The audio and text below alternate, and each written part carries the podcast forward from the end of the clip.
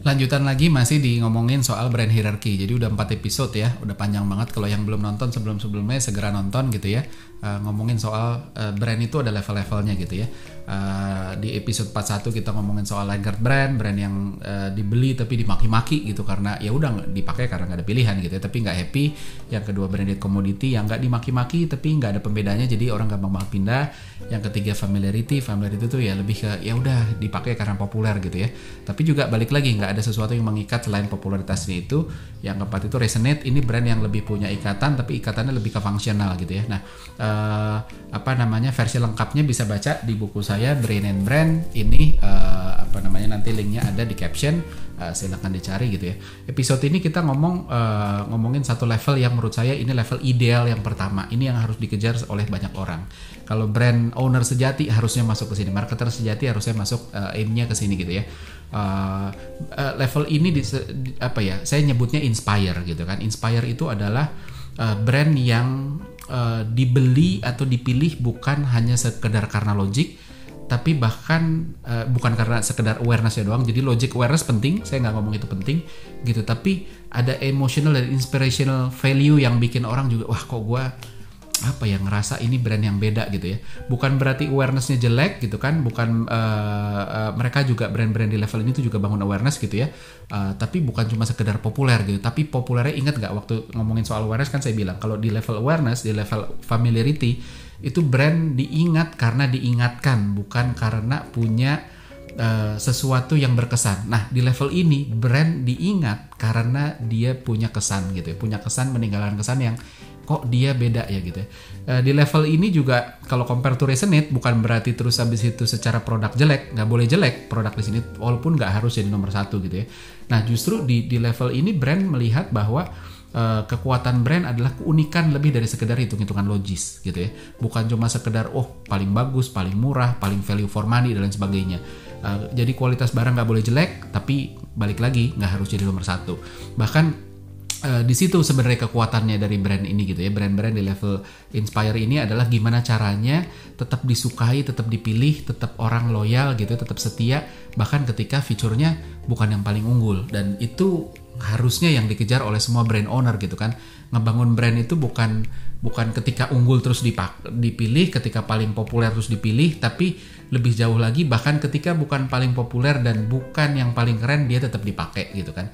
Nah brand brand di level ini percaya bahwa brand uh, brand adalah tentang hati. Pemilihan brand itu tentang hati bukan cuma tentang otak. Jadi gimana caranya kita nyangkut bukan cuma dihitung-hitungan otak secara logis tapi juga se uh, secara hatinya gimana. Mereka percaya bahwa walaupun manusia itu selalu nggak puas, kita selalu nggak puas cari yang lebih bagus, lebih bagus, lebih bagus, lebih bagus. Tapi pada dasarnya manusia juga punya tendensi atau punya atau bisa diajak untuk uh, untuk setia pada apa pun yang dia udah punya gitu ya. walaupun dia tahu ada di luar sana yang lebih bagus lagi gitu ya. Setia sama sini atas dasar kenyamanan hati. Jadi kenyamanan yang harus ditonjolin gitu kan.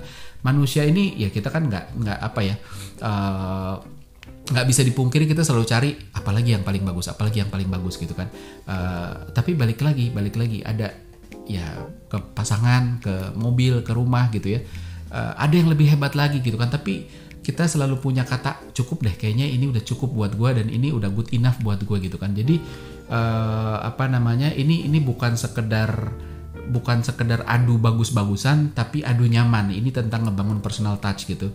Brand masuk uh, beberapa brand nih buat buat gampang ngebahasnya. Ada ada uh, saya pakai tiga contoh brand. Yang pertama itu IKEA yang kedua itu AirAsia yang ketiga Nike. Nah IKEA kalau kita lihat IKEA itu furniture paling bagus? Nggak nggak gitu IKEA tuh bukan yang nomor satu gitu ya. Uh, secara kualitas banyak yang lebih kuat dari dia, banyak yang lebih bagus gitu ya. Uh, kalau ngomong desain uh, subjektif lah ya, jadi nggak bisa terlalu ini. Mereka mereka nggak nggak pernah naruh kualitas sebagai pesan utama, tapi lebih kepada furniture yang mengerti uh, perabot yang mengerti manusia gitu kan. Desain tokonya dibuat dengan mengerti banget manusia, flow-nya segala macam. Ada restoran di tengah, ada tempat makan di akhir. Nanti kapan-kapan saya bahas soal bagaimana IKEA me mempengaruhi kita mendesain experience-nya dengan behavioral science supaya kita terpengaruh beli dan lain sebagainya. Terus habis itu eh, kebutuhan-kebutuhan manusia gitu kan bagaimana kita cari barang, bagaimana kita milih furniture, eh, harga, desain dan lain sebagainya itu benar-benar dipengaruhi apa di, dipikirin banget sama IKEA mereka selalu masuk ke uh, ngamatin keluarga-keluarga baru untuk dapet insightnya. Apa sih yang orang cari? Apa sih perasaannya? Dan lain sebagainya. Nggak cuma related to furniture tapi apa pun itu gitu ya. Jadi uh, dia berusaha mengerti gitu. Bahkan uh, desain IKEA yang selalu flat pack gitu yang bisa dikemas gitu kan uh, bisa dibawa dipasang sendiri itu juga menunjukkan bahwa bagaimana dia mengertinya. Bahwa target marketnya dia adalah target market yang dia pengen cari sendiri mix and match bawa pulang nyampe rumah di apa uh, dirakit sendiri terus habis itu dia dekor sendiri. Jadi itu itu itu story yang dia bangun dan itu membuat membuat user-user IKEA tuh merasa bahwa oh ini dia nih yang saya cari gitu kan. Ada ada ada keterikatan ngebangun keterikatan ada personality yang yang apa ya uh, membuat kita nyaman gitu.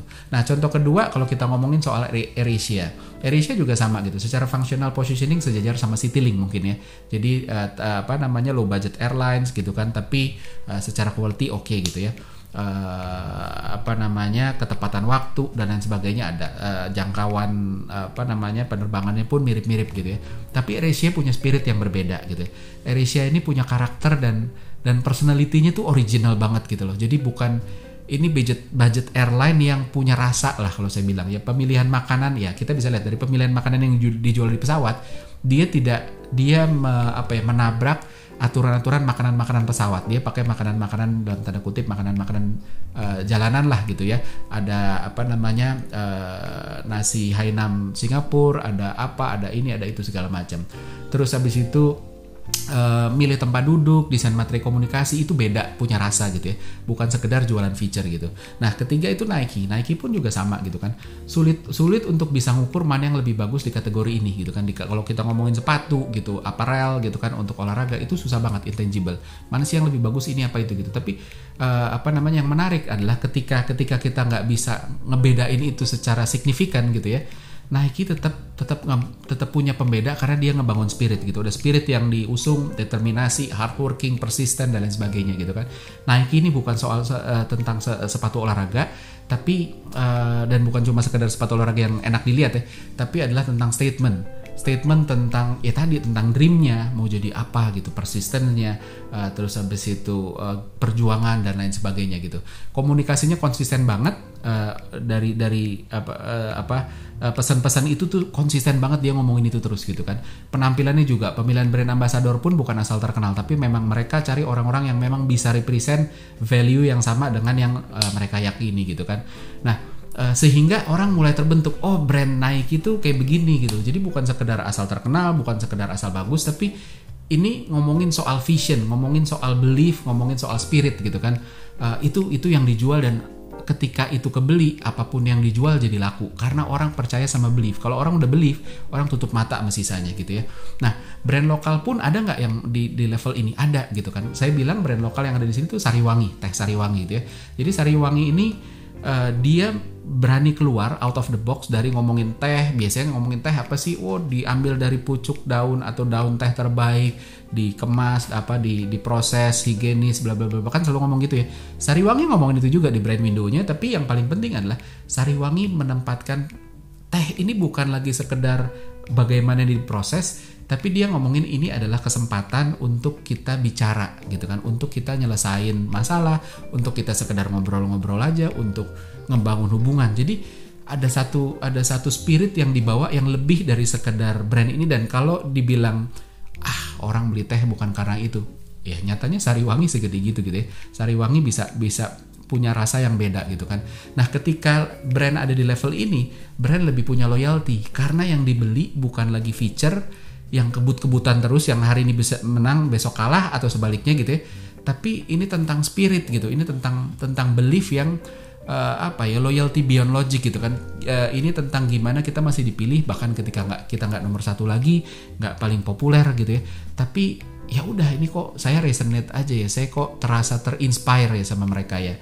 Jadi idealnya sebenarnya memang brand itu baiknya nyasar ke segmen ini gitu level led, apa tangga yang ini gitu kan. Uh, bukan bukan ber, bertarung di kualitas di harga di hal-hal yang logik gitu ya. Tapi problemnya adalah konsekuensinya adalah untuk sampai ke sini itu butuh kesabaran, butuh kerja keras, butuh apa namanya? Ya sama kayak orang nge-gym lah gitu kan. Ya kalau nggak konsisten, nggak sabar ya nggak jadi-jadi gitu kan. Uh, dan butuh strategi yang benar juga gitu kan. Uh, ini ini yang ini yang yang jadi challenge buat buat semua orang dan sering kali orang nggak nyampe aja mikir itu habis itu ngapain saya sana? Saya kan mau jualan fiturnya kan, saya mau jualan ini, harganya dan lain sebagainya. Nah, yang kayak gini-gini yang kita harus berkompromi supaya eh tahu nggak orang tuh nyarinya bukan cuma itu loh tapi nyari belief gitu kan. Nah ketika itu bisa dipegang sisanya orang akan ikut sih gitu. Nah ini makanya ini penting banget gitu ya. Tapi masih ada satu level lagi di episode selanjutnya. Ini yang lebih keren lagi. Eh, nggak uh, bisa dikejar tapi bisa dicapai. Uh, maka dari itu tungguin ya di level selanjutnya apa di episode selanjutnya